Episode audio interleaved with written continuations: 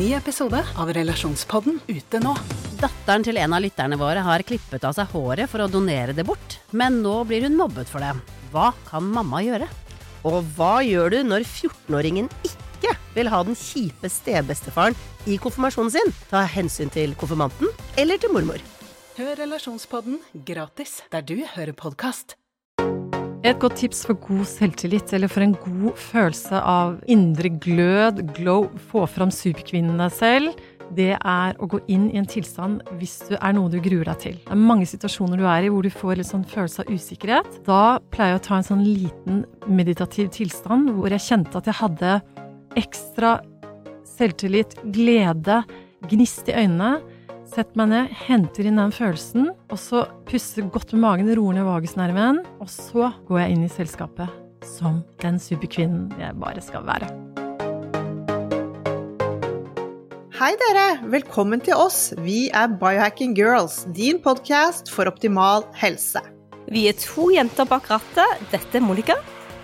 Og dette er Alette. Vi er biohacking-kollegaer og legger sammen våre erfaringer og kunnskap for å inspirere deg til å ta fatt på biohacking for å optimalisere helsen din. Vi følger med og setter forstørrelsesglass på trender og siste forskning, og snakker med verdens toppeksperter innen trening, life coaching, helse og biohacking. Er du klar for å starte med konkrete hacks, lytte til din egen kropp og ta fatt på din helsemessige reise sammen med oss? Vi ønsker naturlig tilnærming til helsen vår, og vi snakker til både menn og kvinner. Du kan gjerne gi tilbakemeldinger til oss under podkasten her, og slå gjerne til med en god stjerne. Du finner oss også på Instagram og Facebook. Er du klar? Velkommen.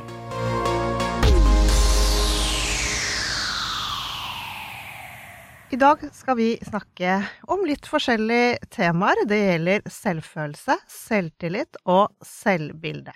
Og disse begrepene er jo veldig lette å blande sammen, men de omfatter ulike deler av jeget vårt. Ja, og det er faktisk litt viktig å skille litt på de. Vi lever i en verden med mye ytre fokus. Det er klær, det er glød, det er glatt hud, vi skal være slanke, vi skal trene. Hva vi gjør feil. Det er for mye og for lite av noe. Vi må, og vi er ikke med i den kretsen, men vi er med i den. Ikke sant? Ja. Blir man invitert, eller står man utenfor? For det er mange mennesker rundt oss. Men hvem vet hvordan hver og en har det egentlig? Det er jo bare deg sjøl. Ja, det er bare vi som vet hvordan vi har det inni oss. Er du ærlig med deg selv? Har du ryddet i gamle traumer? Er du en som reagerer fort med sinne, skjellsord? Tåler du, eller har du avvik når det ikke går som det skal være? Ja, alle disse spørsmålene skal vi snakke med Hedda og Silvani fra Velværepodden med i dag. For vi prøver å finne litt ut om du har kontakt med deg sjøl, og hva du vet om dine egne reaksjonsmønstre, og kanskje om du er villig til å endre dem eller forbedre dem. Ja, fordi i hvert fall personlig så har jo jeg sagt det før, at en av mine mål denne høsten er å jobbe med disse litt indre tingene som man kanskje ikke har tatt sånn stort grep i. Så i dag skal jeg i hvert fall få ryddet opp i litt forskjellige begreper og snakke med disse to skjønne damene. Ja, for målet er da mer livskvalitet, å være mer seg sjøl og kanskje tørre å sette drømmer ut i livet. Vi skal snakke med Hedda, som er NLP-coach, så hun coacher mennesker i denne prosessen i livet, for de skal finne ut hvem de er og hvordan de skal få det bedre med seg sjøl. Og så er det Silvani, som er holistisk skjønnhetscoach og har jobbet lenge i mediebransjen og er veldig opptatt av formidling. Så de to sammen er da drømmeteamet bak den populære podkasten som heter Velværepodden. Da ønsker vi velkommen til Biohacking Girls, din podkast for optimal helse. Kjære Hedda og Silvani, så utrolig hyggelig å ha dere på podkasten som gjester hos oss. Yeah! Veldig hyggelig å være her, Monica. Ja, det er vi som er begeistret her, altså. Jeg gledet meg, jeg. Ja, det har vi også, for det er lenge siden vi var hos dere, så nå skal det bli gøy å ta en liten recap med dere igjen. Ja. Jo, det er veldig hyggelig å ha dere to på podkasten, for du, Hedda, du har den bakgrunnen som coach, og du er oppe i det kognitive, du tenker på psykologien vår og på vår mentale helse. Og det gjør du òg, Silvani, men du har òg et annet fokus i tillegg til å jobbe fra innsiden eh, med holistisk helse og glød og skjønnhet, og selvfølgelig tankene. Og i dag skal vi snakke litt om forskjellene på en del temaer som opptar oss i et samfunn med mye press. Det går på selvfølelse og selvtillit og hvem vi er som mennesker. Og hvis vi skulle starte på det som kanskje er lurt å snakke om først, med selvfølelsen, Hedda, kunne ikke du gi oss en definisjon og dine refleksjoner rundt det? Jo, det med selvverd, det er egentlig veldig enkelt, men også veldig komplekst. Fordi det handler jo om det at når vi blir født og er babyer, så er vi veldig sårbare, og vi trenger å tilhøre en flokk. Vi trenger kjærlighet, vi trenger validering, og bli sett, hørt og forstått, som er de grunnleggende behovene våre, ikke sant? Hvis dette ikke skjer fra du er baby til du er syv, så kan det skape si, en slags ripe i lakken senere i livet, som mange ikke er bevisst over at man kan reparere selv. Fordi selvkjærlighet er jo noe som kommer fra oss selv. Eh, vi kan jobbe det opp eh, i oss selv, men når vi er så små og ubevisste rundt det, så, så, kommer, så, er omgivelsene våre veldig viktige. Foreldre kan gjøre noe i din barndom som skaper ubalanse hos deg, eller miljøet ditt. Du kan være en lærer, det kan være en trener, det kan være mobbing på skolen. Det er mange faktorer som spiller inn for at følelsen av selvverd ikke er på topp. Hos noen er det så ille til den grad at de ikke klarer å elske seg selv når de er voksne. Hos andre så kan det være litt sånn flakkende. Så selvverd er mulig å trene opp i voksen alder, og det er det viktigste å vite fra denne episoden, da. Og det er derfor coacher også eksisterer, for det hjelper vi mennesker med. Har du noen eksempler på hva på en, måte, en forelder da ikke har gitt, som gjør at dette barnet ikke får denne selvfølelsen som den ønsker? Har du noen eksempler, bare sånn for jeg kan henge det på en knagg? Mm. Det er så mange ulike scenarioer. Det er veldig vanskelig å si et eksempel, men det som er viktig å vite, er at vi går jo rundt og tror at vi ikke er verdt noe når vi ikke har selvverd. Og det er fordi vi har kanskje fått en kommentar gjentagende, og det foreldre ofte kan gjøre, er å følge mønsteret de selv er vant til som barn. Så hvis dine foreldre aldri har lært å si 'jeg elsker deg', eller 'du er god nok som du er', hvis dine foreldre tror at eh, de skal si 'å, så flink du er', ja, så god du er på det, eller så flink du er, kjempeflink, så tror de kanskje dette er svaret på at du skal få uh, følelsen av selvverd. Men det kan slå feil ut, fordi du vil da i voksen alder tro at du må være flink og du må prestere for å få den kjærligheten og anerkjennelsen du trenger. Så det er et eksempel på en feil man kan gjøre ubevisst som forelder. Men det barnet tror da, som voksen, er at man ikke er god nok hvis man ikke gjør det bra. Men det foreldrene mente, var jo at de ønsket å gi deg den kjærligheten, for det var den eneste måten de klarte å vise det på. Så dette er veldig avansert forklart, men vi Jeg syns det var et veldig godt eksempel. Skjønner hva jeg mener? Ja, jeg håper det. eh, Silvani, kjenner du litt eh, den følelsen du òg? Vi har jo alle vokst opp og fått noen sår på sjelen vår, men kan du ikke komme unna det? Altså, jeg, jeg får nesten litt uh, prestasjonsangst når jeg skal sitte og svare på hva selvtillit eventuelt er, fordi jeg syns dette var veldig, veldig avansert. Men, men du snakket om selvfølelse, bare. Ja, ja. selvfølelse. Men jeg har sikkert noen issues jeg må jobbe med, men jeg føler at jeg har vært veldig heldig, da, nettopp på grunn av det Hedda sier i forhold til hvordan mine foreldre har vært. At jeg har et godt fundament i meg selv. Men så har jeg jo flere i min vennekrets som sier de skammer seg, og at man har ting man jobber med, og som da har funnet ut at mye av dette kommer fra barndommen, da. Kommer fra ting foreldrene har sagt som kanskje ikke har vært vondt ment. Eh, for eksempel hvis man tar en reaksjonsevne, da, hvis du ser at barn blir sint i lek, eh, hvis man taper et spill eller er med på noe. Mm. Og det har dette med selvfølelsen å gjøre, fordi at man ikke klarer liksom å anerkjenne at ok, jeg tapte, det var dritkjedelig, men uh, jeg trenger ikke banke opp vennen min for det. Jeg tror at det kan komme av overbeskyttelse også. Det er en ting som vi foreldre ikke tar på alvor. I vår generasjon så er vi veldig på barna våre. Vi er litt sånn helikopterforeldre. Og vi skal sørge for at de får nok kjærlighet og nok anerkjennelse, nok validering hele tiden. Og det er en ting jeg personlig passer på og Selvfølgelig er kjærlighet pøse på, du kan aldri gi nok kjærlighet og validering, men man skal ikke overbeskytte dem og sette dem på en pidestall og høyne dem over andre. Man skal lære dem å utfordre seg selv og takle situasjoner, fordi hvis du får rule leken, da Jeg har et veldig godt eksempel på det. Jeg har en venn som har et enebarn. Og han har konstant lagt seg på alle fire og lekt og lekt og latt barnet bestemme leken hele veien. Fordi han vil jo være den beste pappaen han kan være.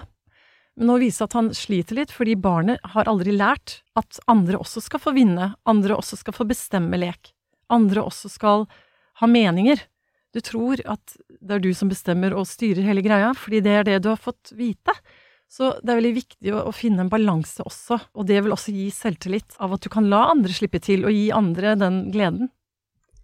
Ja, det var et veldig godt eksempel, for det har jeg også Jeg har jobbet så fælt med det, og nå har jeg spilt med mine barn, at jeg ikke skal la de vinne. Og det har jo vært sånn at jeg har jo hatt så lyst, og de har vært Ja. så lei seg, men jeg har tenkt nei, nå må jeg bare stå i det, fordi Mm. motgang, det møter de hele veien. Ja. Så det var veldig, da ble jeg veldig glad. Motgang er så viktig, fordi det er mestring. Og det er å være ute av komfortsonen, og det er å lære. Og da tåler du mer. Men da er vi over på selvtillit, ikke sant? Så det er en annen kategori. Men jeg tror eh, det som Hedda sier er veldig viktig, fordi vi vil jo veldig gjerne løfte opp eh, barna våre. Og jeg merker selv etter at jeg fikk barn, så har jeg fått et helt annet perspektiv på hvordan jeg selv er, min egen atferd, og går tilbake til barndommen for å se hva var det mine foreldre gjorde som jeg har lært. Og da var det jo veldig ofte dette som du sier, at ja, men sånn er det, uten at man må forklare i hjel eller trøste i hjel. Noen ganger så er det sånn at den vinner og ikke du. Sånn er det bare. Og den kan være litt tøff, men det er også det man lærer av, og det er ett eksempel som jeg har nevnt før, som jeg må bare fortelle om, fordi det er kanskje noe av det som, eh, hvis jeg ser tilbake, var det tøffeste for meg å høre fra mamma, men som samtidig ga meg et kjempebra perspektiv på hvor problemet ligger, og at det ikke ligger hos meg. Det var en gang jeg var ute og lekte, jeg tror jeg var eh, jeg må ha vært under elleve år, og så lekte vi, og så var det noen barn som ikke bodde der, som kom for å leke, og så var det en gutt som eh, ikke var helt enig med meg, og så begynte han å kalle meg masse, navn, og så til slutt så sier han bare du, gå bort, din neger. Og jeg husker at jeg ble så perpleks, fordi det var et ord som jeg skjønte, nå var han ute etter å være slem mot meg. Og så løp jeg inn til mamma, mamma, mamma, mamma, mamma, gutten, åh! Han kalte meg neger, og dette er på 70-tallet. Og så sitter mamma og strikker, eller om det var at hun renset bær, jeg husker ikke, men hun satt og holdt på med et eller annet, og ser hun på meg, så sier hun bare ja, men jenta mi, du er jo det. Og nå kan man kanskje si det får man ikke lov til å si, men poenget, det hun ønsket å si, var at jeg hadde en annen hudfarge enn den gutten, og at det var bare sånn det var, ikke det at han skulle kalle meg det. Så neste gang han kom tilbake, så kom selvfølgelig den samme kommentaren igjen. Og da husker jeg var så eplekjekk at jeg tenkte bare sånn, ja, men fortell meg noe jeg ikke vet. Og senere i livet, når jeg har fått kommentarer på utseendet mitt, eller at eh, jeg har oppfattet rasisme, så har jeg hele tiden tenkt ok, men jeg er den jeg er, du har et problem som du må deale med, punktum. Så jeg er veldig glad for at mamma ikke da trøstet meg på en måte hvor å, de er så slemme, de er så dumme, bla, bla, bla, bla, bla, bla, bla.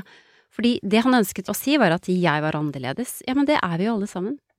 Jeg må si moren din må få en skikkelig salut for det, den atferden her, fordi de mammaene som vi er, det er vanskelig å ikke bli tigermamma. Jeg kan kjenne på det selv. Man kan bli litt sånn løvemamma og stressa når man får høre sånt.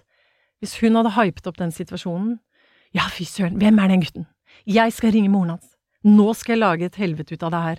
Hvis hun hadde hypet opp den situasjonen og laget det verre for deg, så hadde du kanskje fått dette som et anker senere i livet, hvor du hadde kjent på det å ha en annen hudfarge, hvor du hadde blitt stressa over det, du hadde kanskje vært mer bevisst ved det. Det er et eksempel på mange av mine coaches.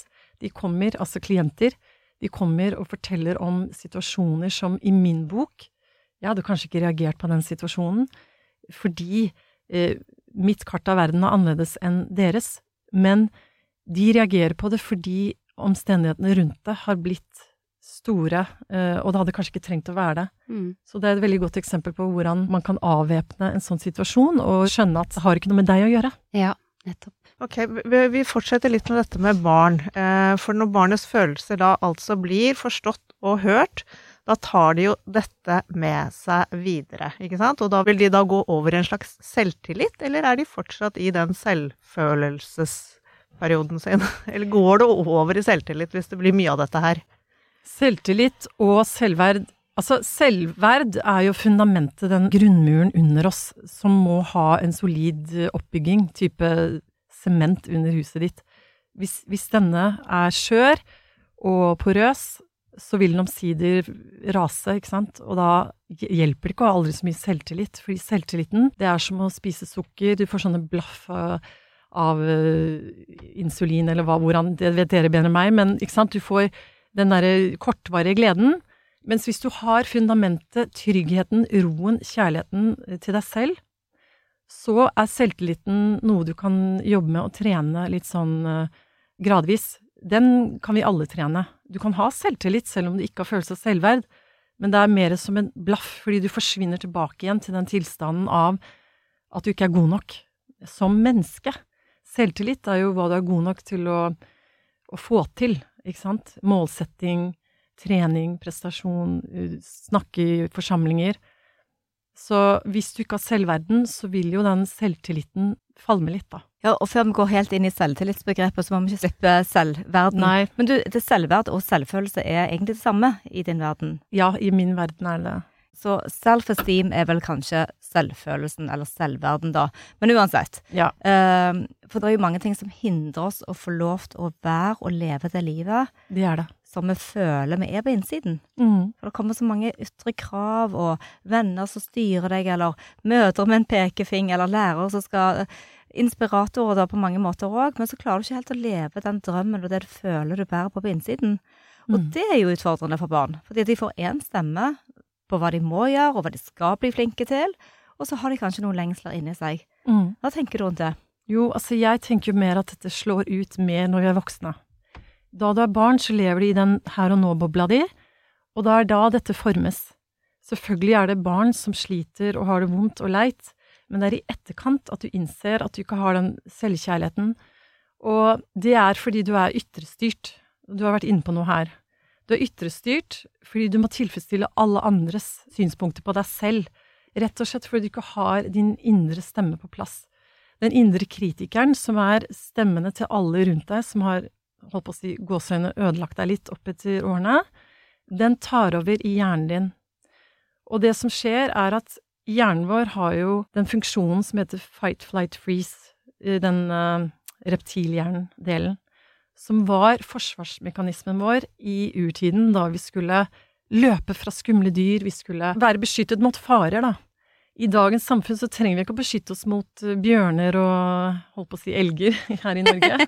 eh, eller folk som skulle ta plyndre oss. Men disse triggerne, de tar av når vi ikke er trygge. Så det går litt sånn ding, ding, ding, ding, ding, den alarmsentralen, som er en god funksjon for oss, men den tar litt av. Og som dere vet, tar den over hele vagusnerven og stresser deg helt. De som har bygget opp denne selvverden, de har mer kontroll på disse følelsene.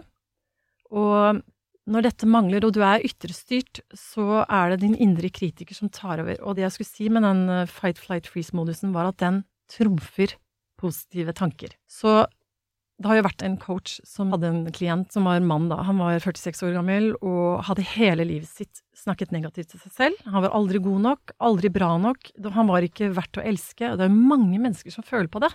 Så mange mer enn vi aner. Og jeg snakker jo med disse menneskene. Jeg har jo flest kvinner, jeg har nesten ingen menn. Jeg har nesten bare damer.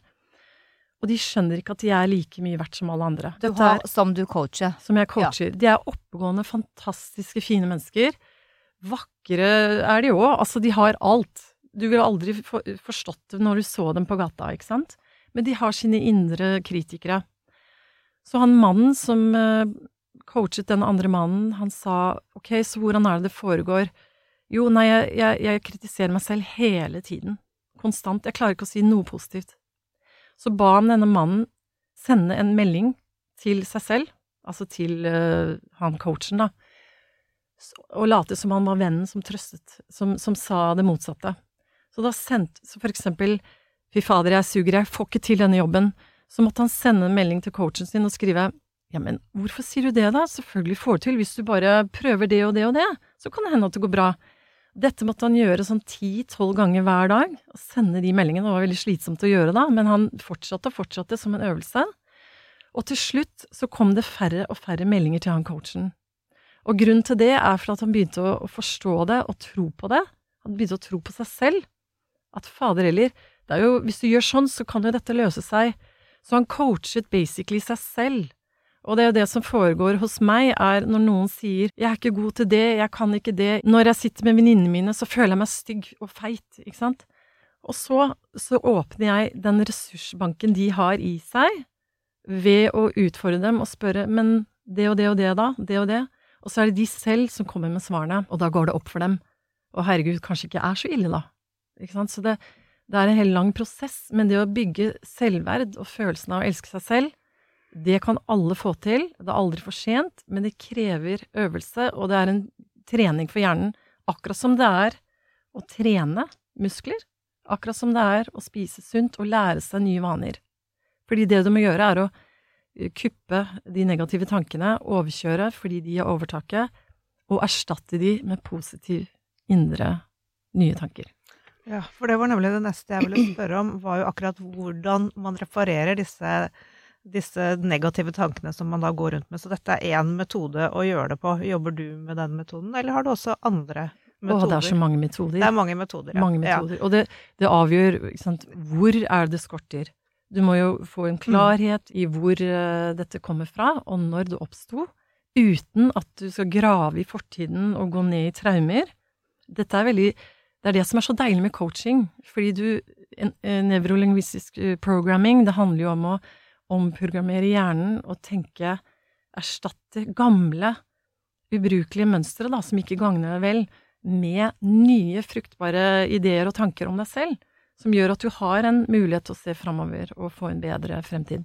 Men eh, jeg føler også at man ikke alltid er så klar over at man går rundt med dette negative tankespinnet. At, at, er, at man er så vant til det at jeg, jeg, skjønner liksom ikke helt hvordan du knekker den koden på å komme deg over i den nye stadiet. Det er helt sant, det du sier. Man er så vant til å tenke det, at det, man har blitt den personen. Men uh, det som er sannheten, er at du er ikke tankene dine. Det er mange metoder. Hvis du mangler kjærlighet fra foreldrene dine, for eksempel, så er det jo teknikker som går ut på å forstå budskapet bak deres beskjed.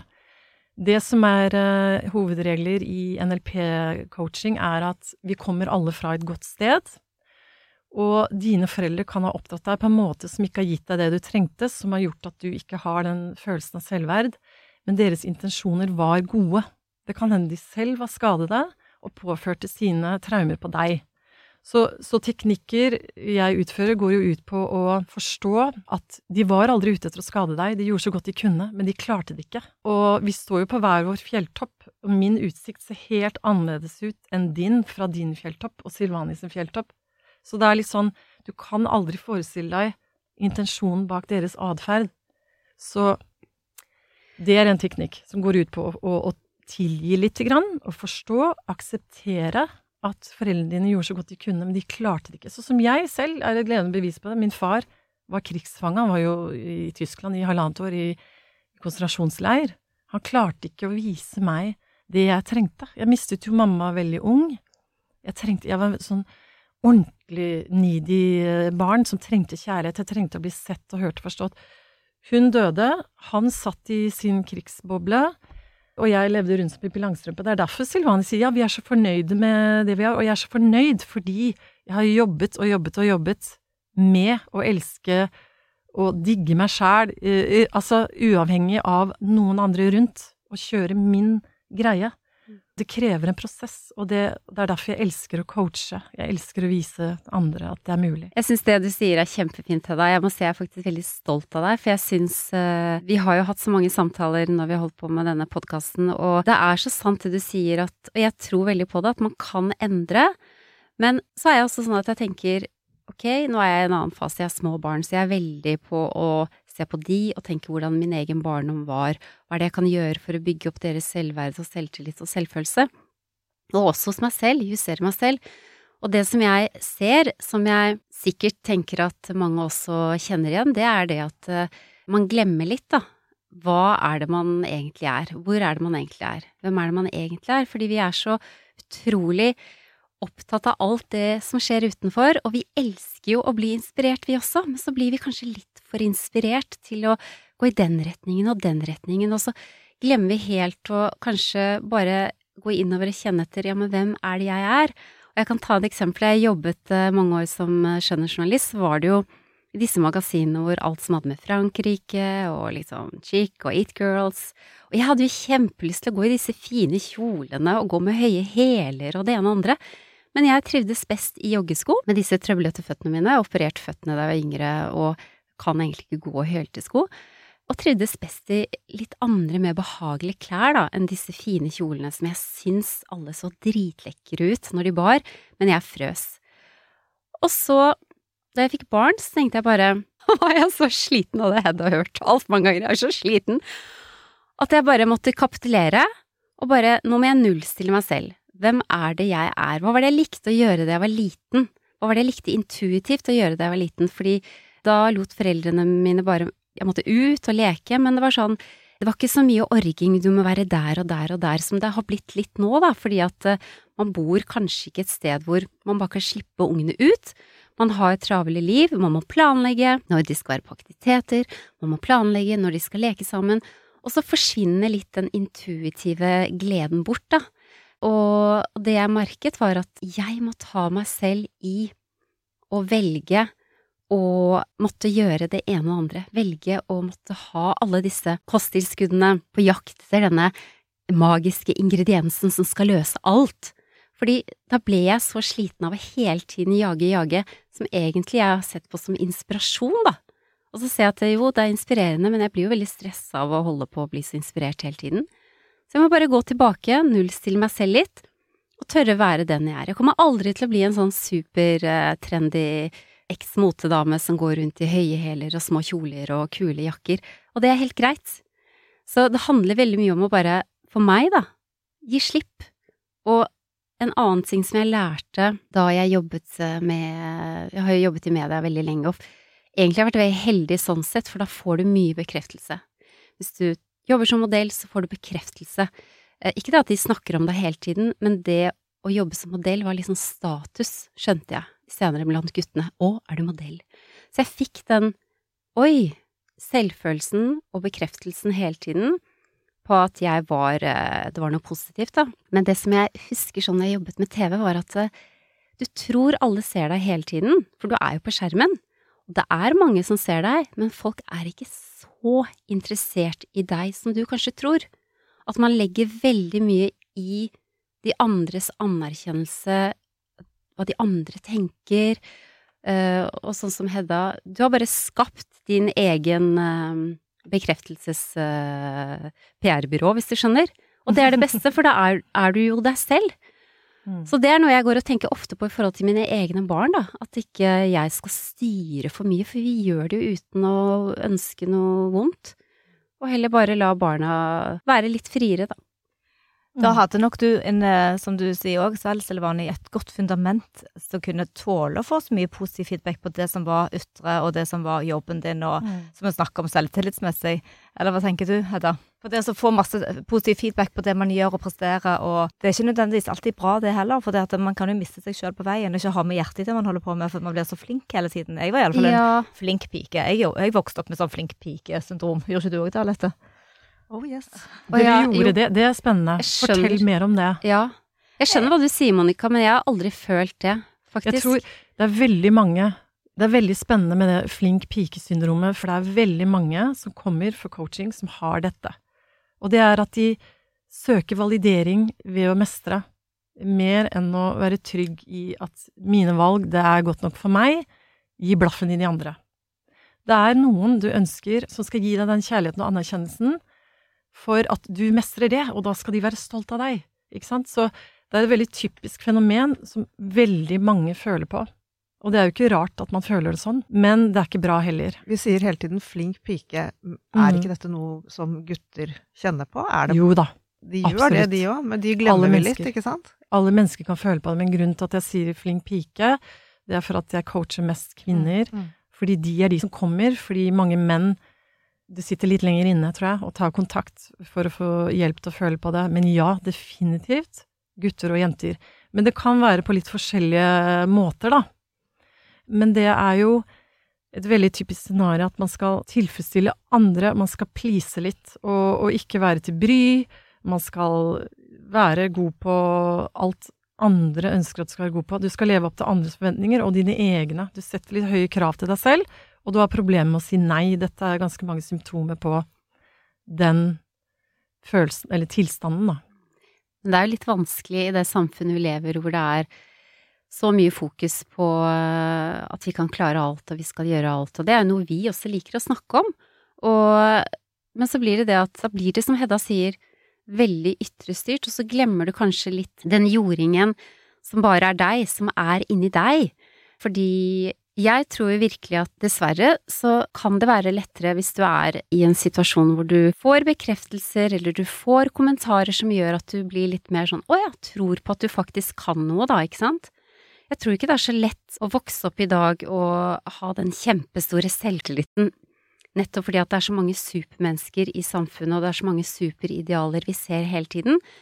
Men så tenker jeg at det er samtidig veldig viktig å tenke at du skal leve litt ditt liv for deg, og du skal også leve det livet du har nå, og ikke bare tenke på hvor du skal være om ti år, fem år, ikke sant, som vi alle gjør, da. Så jeg tenker at det også prøve å gå litt innover, og så kjenne etter hva det er jeg liker å gjøre, hvem er det jeg liker å være sammen med, hvem er det jeg bruker tiden min på?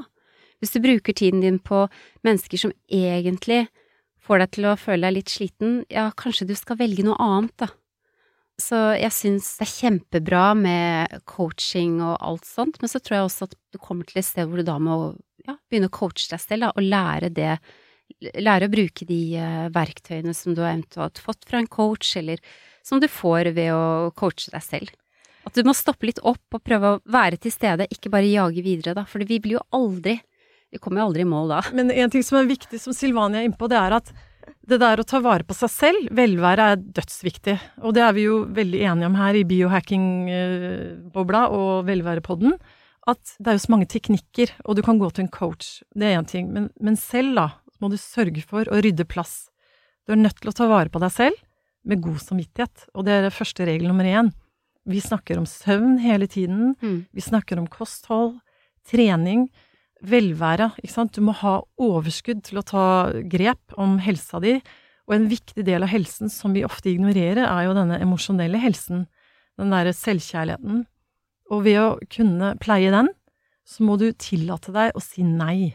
Du må øve deg på å si nei til venninner, til svigermor, svigerinne, uh, til kollegaer. Du må øve deg på å tørre å si nei, og stå for det uten dårlig samvittighet. Jeg er jo uh, veldig opptatt av mindset og indre emosjonell helse, fordi du kan spise så sunt, du kan sove så mye du vil, og du kan trene så hardt du bare klarer, men er ikke dette på plass, så rakner jo det.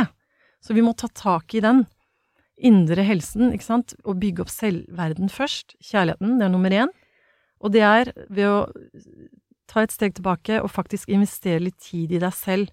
Hvordan du løser det, det er opp til deg, men det kan man få hjelp til. Eller så finnes det teknikker. Å sette grenser og si nei, det er jo kanskje det vanskeligste og viktigste, men òg det jeg har øvd meg på veldig mye i voksen alder, nå er jeg ganske god på det, det er å si takk.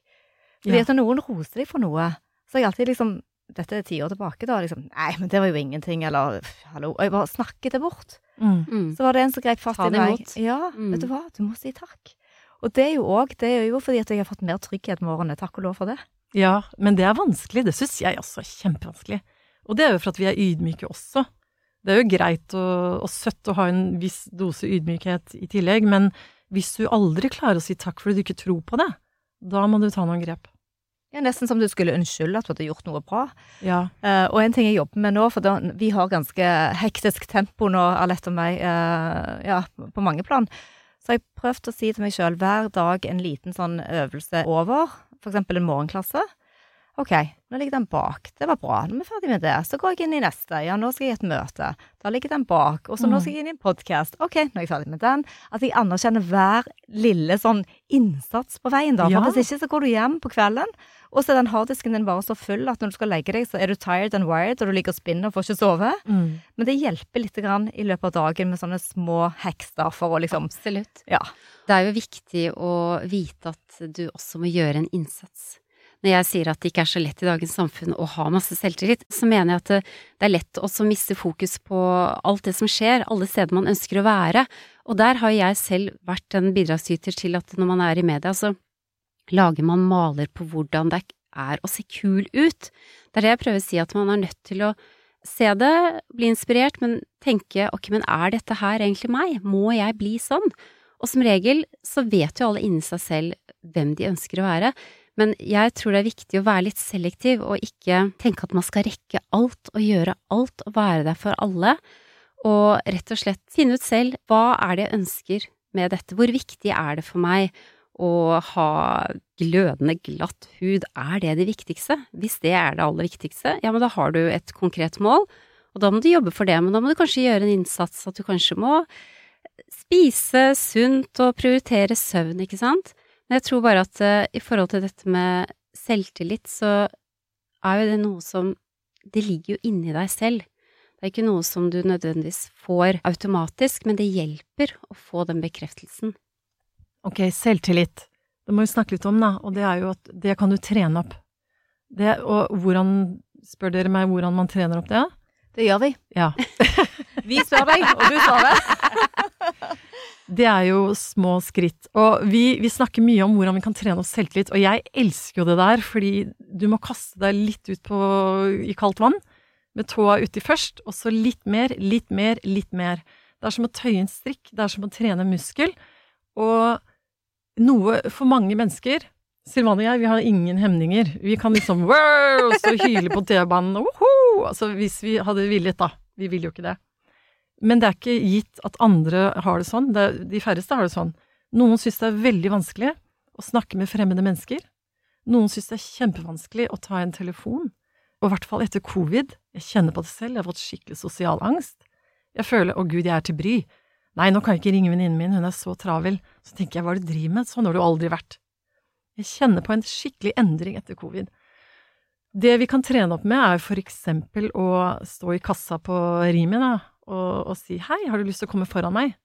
Det gir en enormt god følelse og trigger endorfiner og lykkehormoner. Og du får selvtillit av det, faktisk. At du mm. tør å snakke med noen fremmede. Tenk, jeg turte! Neste dag så kan du ta en litt vanskelig telefon, kanskje til en venn du ikke har snakket med på lenge, eller til en eller annen jobbtelefon som er litt tøffere. Og så til slutt så kan du kanskje melde deg på å holde et foredrag. Og så bygger du det opp mer og mer og mer, og det mer du gjør dette, det tryggere blir du, og så får du masse selvtillit av det. Så det du sier med Vi vet at hjernen er plastisk, den er endring, så vi kan trene hjernen vår. Så ved å eksponere deg for det som er litt vanskelig, istedenfor bare skjule deg bak døren, holdt jeg på å si, ikke ja. tørre, så blir du sterkere. Altså, hvis du ikke feiler, så vil du aldri oppnå noe. Det å lykkes innebærer å feile. Det innebærer å tryne mange ganger. Det innebærer å måtte ta vanskelige samtaler og være flau, skamme seg, men det innebærer også å gå videre, og da lære av det, og mestre mer, og få selvtillit. Jeg tror veldig mange hindre ligger jo mentalt hva vi selv tenker, og jeg fikk en bok i en gave for mange år siden av en venninne. Bitte liten bok. Den var sånn ja, tre kvadrat, tre ganger tre centimeter. og det var en bok om uh, Abundance, selvfølgelig, skrevet av en amerikaner. Og så var det en bitte liten bok som handlet om eh, er du redd for noe, så må du fokusere på om det har skjedd før. For jeg var alltid sånn at jeg skulle ha en egen leilighet, fordi da kunne jeg ikke bli kastet ut. Da kunne jeg spikre ting på veggen uten å måtte be om tillatelse. Og så skulle jeg ha en leilighet til. Altså, jeg var hele tiden fremover, fremover, fremover. Og i den boken så var det da fokus på har du noen gang blitt kastet ut av en leilighet, har det noen gang vært et problem at du faktisk ikke får lov til å henge opp et bilde? Nei, det hadde ikke vært det. Jeg hadde fokusert på alt det som kan bli et problem, uten å egentlig bare tenke ok, men hvis det skulle skje, er det et stort problem? Nei, jeg finner meg alltid et nytt sted å bo. Det er ikke noen krise hvis du ikke får henge opp et bilde. Så jeg, for min egen del, da, har bare følt at eh, mye av det som vi snakker om at vi er så fornøyd med at vi føler at vi er oss selv. Det handler jo om hvordan jeg har ryddet opp i hodet mitt, og rett og slett bare prøvd å komme ut av forskjellige tankemønstre. Men det har vært heldig at jeg har fått hjelp fra venninner som har vært litt eldre og visere, som ser at Silvani, det her er jo virkelig ikke et stort problem, det er en liten bagatell som du lager til et problem. Men sånn i forhold til det å slippe noen foran deg i køen, det syns jeg er et kjempegodt eksempel, fordi alle merker jo når man går inn i en butikk, og så ser man kanskje noen man kjenner, og så prøver man å unngå hverandre, for man vil ikke stoppe å snakke. Så det blir sånn helt sånn tullete oppførsel der man egentlig bare burde hei og gå videre. Du må ikke stå der og snakke eller forklare. Du kan bare ja, slippe ut litt gode energier, og så gå videre, da. Kan hende det er noen som setter grenser òg, da. ja, det kan godt være. Men jeg ser igjen bare på barna mine hvor frie de er. Hei! Datteren min eh, så moren til en hun går i klasse med i dag, og så spurte hun meg hva jobber hun med, så jeg det vet ikke jeg, og så bare løp hun bort til henne, hei, hva er det du jobber med? Og jeg tenkte, vet du hva, jeg skal ikke stoppe henne og beklager, beklager. For det kommer jo så instinktivt fra henne, da, at jeg tror vi har en tendens til å overtenke ting og gjøre det mye vanskelig for oss selv. Gjett om vi har noen hoder som er eh, om, Altså, jeg er så glad ingen kan se inn i mitt hode til tider, for der skjer det veldig mye rart. Men eh, tilbake til dette med den selvfølelsen. Det er veldig mange som går rundt med negativ selvfølelse, men som du også har sett, så er de jo fulle av selvtillit. Mm. Jeg klarer ikke helt å forstå hvordan det henger sammen. Henger sammen. Kan du forklare det en gang til? Nei, altså de er jo veldig gode på også å vise at de har masse selvtillit uten å nødvendigvis føle det. I hvert fall de jeg snakker med, sier jeg er rågod på å kamuflere. Det er det jeg gjør hele tiden. Jeg er helt utslitt. Jeg har så god selvtillit, jeg, og, og sitter og smiler og later som. Men det er ikke ekte, følt ofte. Og så er det noen ganger de får den selvtilliten som er reell, men da er de beskjedne, ikke sant. Så jeg vil bare ha en kommentar til det med som Silvani var innpå, det at når jeg coacher mennesker, så henter jeg ressurser i dem. Fordi det at du ikke har den selvfølelsen Det som er med coaching, da, så kommer gjerne en, eh, en coachee, altså en klient, og sier 'jeg kjenner ikke at jeg har verdi, jeg klarer ikke å elske meg selv, jeg sliter så med det', men jeg kan ha god selvtillit. Eh, Jeg kan eh, virkelig gjøre et bra foredrag og være fornøyd, men så kommer jeg hjem og så er jeg deppa, for jeg, jeg elsker ikke meg selv. Det er veldig ofte at dette skjer. Og da er det sånn at det er som Silvani sier, det, det, det foregår i tankesettet vårt. Det er dette vi må endre på. Vi må endre tankesettet. Det er hele essensen i NLP-coaching. Og da er det sånn at vi må hente opp ressurser fra tidligere. At du, du har kjent på lykke og glede, du har kjent på noe form for eh, en sterk ressurs som er bra, et eller annet sted inni der. De minnene må vi ofte hente opp, og så må vi forsterke de med å bruke submodaliteter, som da er sansene våre.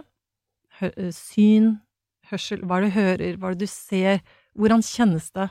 Hvordan er det dette ser ut når du holder det i hånden? Er det varmt, er det kaldt, hvordan fargen, ikke sant? Sånne ting driver vi på. Og så må vi implementere det inn i nåtiden før vi får til det. For når vi er i den derre bobla hvor selvfølelsen og selvtilliten skorter, så er du i følelsene dine. For å få til å endre, så må du ut av de. Så vi må dissosiere oss fra de. Så derfor må jeg trekke de ut av følelsen, slik at de kan se seg selv utenifra. De kan se det der lille indre kritikeren, det barnet, da, utenifra, og snakke til det. Da klarer du å se mye klarere. Det er nemlig det som er problemet, er at vi lever inne i disse følelsene hele tiden. Som du sa i sted, var det deg, Alette? Hvordan skal man klare å endre på det? Man er jo i den følelsen hele tiden. Man enser jo kanskje ikke selv at man er preget av det. Det er for at du konstant lever i den derre mølla. Så du må se deg selv utenifra. Du må forstå utenifra, oi, og se på deg selv som et barn, eller som en venninne som du prater til, eller deg selv i tredjeperson, da. Det er det coaching er. Jeg føler nesten at jeg har vært gjennom en liten uh, coaching-time. Nå Er det ikke så flink, mye ting som eh, begynner å klikke rundt oppi hodet mitt. Hvordan er det med deg, Monica? Du kjenner det samme, og vi må dessverre runde av. Men før vi gjør det, så hadde vi Vi har eh, åtte sånne heks som vi har, som hadde lyst til å høre deres. Vi bare sier dem, og så kan dere ha en liten kommentar på det. Er det greit? Ja. ja. Ok, da går vi i gang med første. Klapp deg sjøl på skulderen for alt du gjør.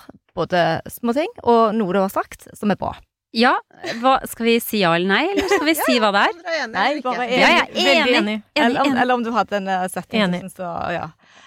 Gi deg sjøl omsorg, se egne behov før alle andres. Gi deg sjøl verdi. Mer self-care i livet med rutiner. Bruke tørrbørste, trene, unplugge litt, grann, spise ren mat, snakke fint til seg sjøl i speilet osv. Enig. Og så må jeg bare legge til si nei, uten å måtte forklare hvorfor. Mm. Ta vare på deg selv, absolutt, og sette av tid. Og tillat deg å slappe av litt og ikke gjøre noen ting. Det er viktig. Bare ikke gjør noen ting. Det er helt greit. Ha litt humor, le av deg selv når du er flau eller tabber deg ut. Ja, ja, ja. Absolutt. Ja, ja, ja, ja, ja. Eh, skriv ned dumme tanker, og observer det du tenker om deg sjøl, med litt avstand. Og skriv kanskje ned et godt motforslag, så du snakket med han coachen, han mannlige coachen. Absolutt. Men skriv tre ganger tre ganger tre. Tre på morgenen, tre ettermiddag, tre kveld. Se når disse tankene, indre kritikeren, kommer. Og når du ser hva det er som utløser det, der skal du jobbe. Jeg har eh, ikke valgt, hvis jeg skal bruke det ordet, til å, å skrive. Det, det, rekker jeg ikke. Men jeg har blitt veldig flink til å innrømme at jeg tar feil, og si det. I mitt forhold der jeg er. Så det er noe jeg tenker eh, Ja, bare være mer ydmyk og ikke ja, ikke prøve å være så perfekt, da. Prøve å være mer sammen med de som respekterer deg, og ikke dømmer deg? Helt Ja, garantert. absolutt. Det er vanskelig, fordi det kan være nære slektninger. Det er ofte slektninger som dømmer deg. Så det du må gjøre, for da kan du ikke ta avstand, det er å jobbe med hvordan du skal motta deres atferd. Skal du ta de energiene på deg? Skal du ta ansvar for deres kart av verden? Nei. Du skal ta ansvar for hvordan du tar imot deres signaler. Og nå er jeg litt usikker på den, eh, for, jeg hadde ikke snakket med deg når vi lagde denne listen, Hedda, men styr unna situasjoner du vet vil du, du deg uvel i, og si nei. Nei. Nei. Hopp inn Her mener i jeg også nei. situasjoner. Ja. Ta imot utfordringer, gjør ubehagelige ting hele tiden. Altså, for guds skyld. Ja, Veldig altså, viktig. vet du hva, her er det nei fra meg òg. Og jeg tenker at uh, man må tenke på utfallet. Hvor, hvor ille kan det bli? Hvor galt kan det gå? Fordi det som skjer når du har vært i den uh, kjipe situasjonen, er at du får kjemperush av glede etterpå. Ja, det er helt riktig. Der, der var vi litt dumme. Og så må vi legge til én ting Ja. som vi ikke har sagt i dag, og det er at å, å være snill og god og den personen du ønsker at andre skal være mot deg, det er klisjé og svulstig, men vær det mot andre også, fordi det gir deg masse tilbake. Helt enig.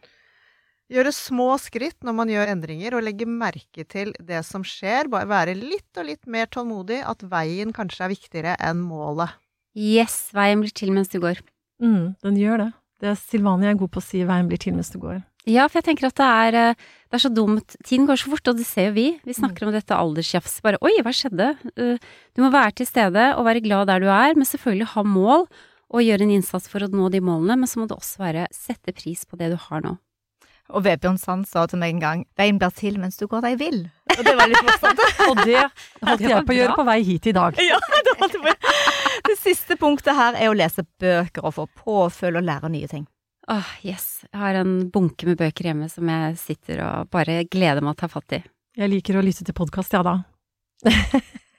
Dette var så utrolig. Vi kunne snakket i timevis. Altså fire damer bak rattet her. Det, hva sier Ja, du? ja, ja. ja. Dette, dette må vi gjøre igjen. Ja, Women should rule the world, Nava.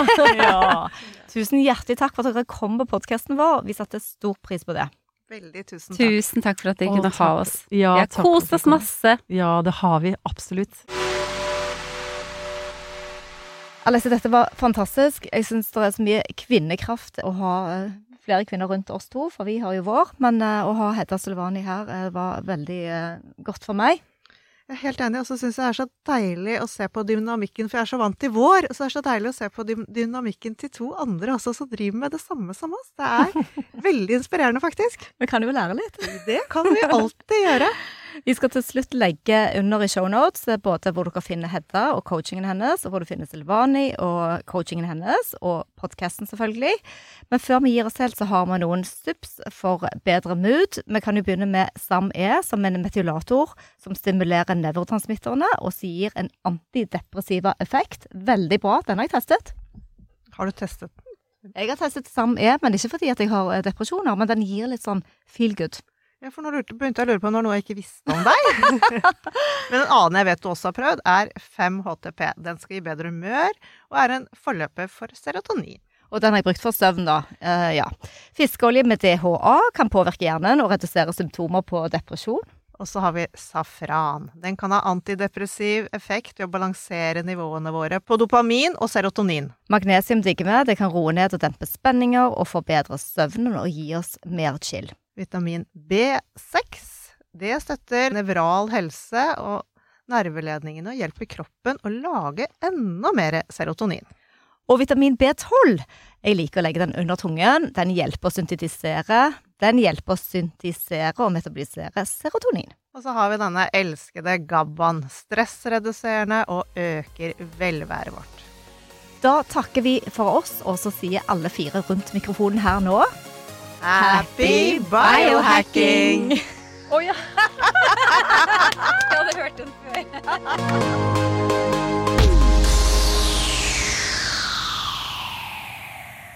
Vi minner om at dere må snakke med egen lege eller kostholdsveileder om dietter og andre spørsmål relatert til medisiner og supplementer. Informasjon vi deler kan ikke bli brukt til å diagnostisere, behandle, forebygge eller kurere noen sykdommer eller tilstander.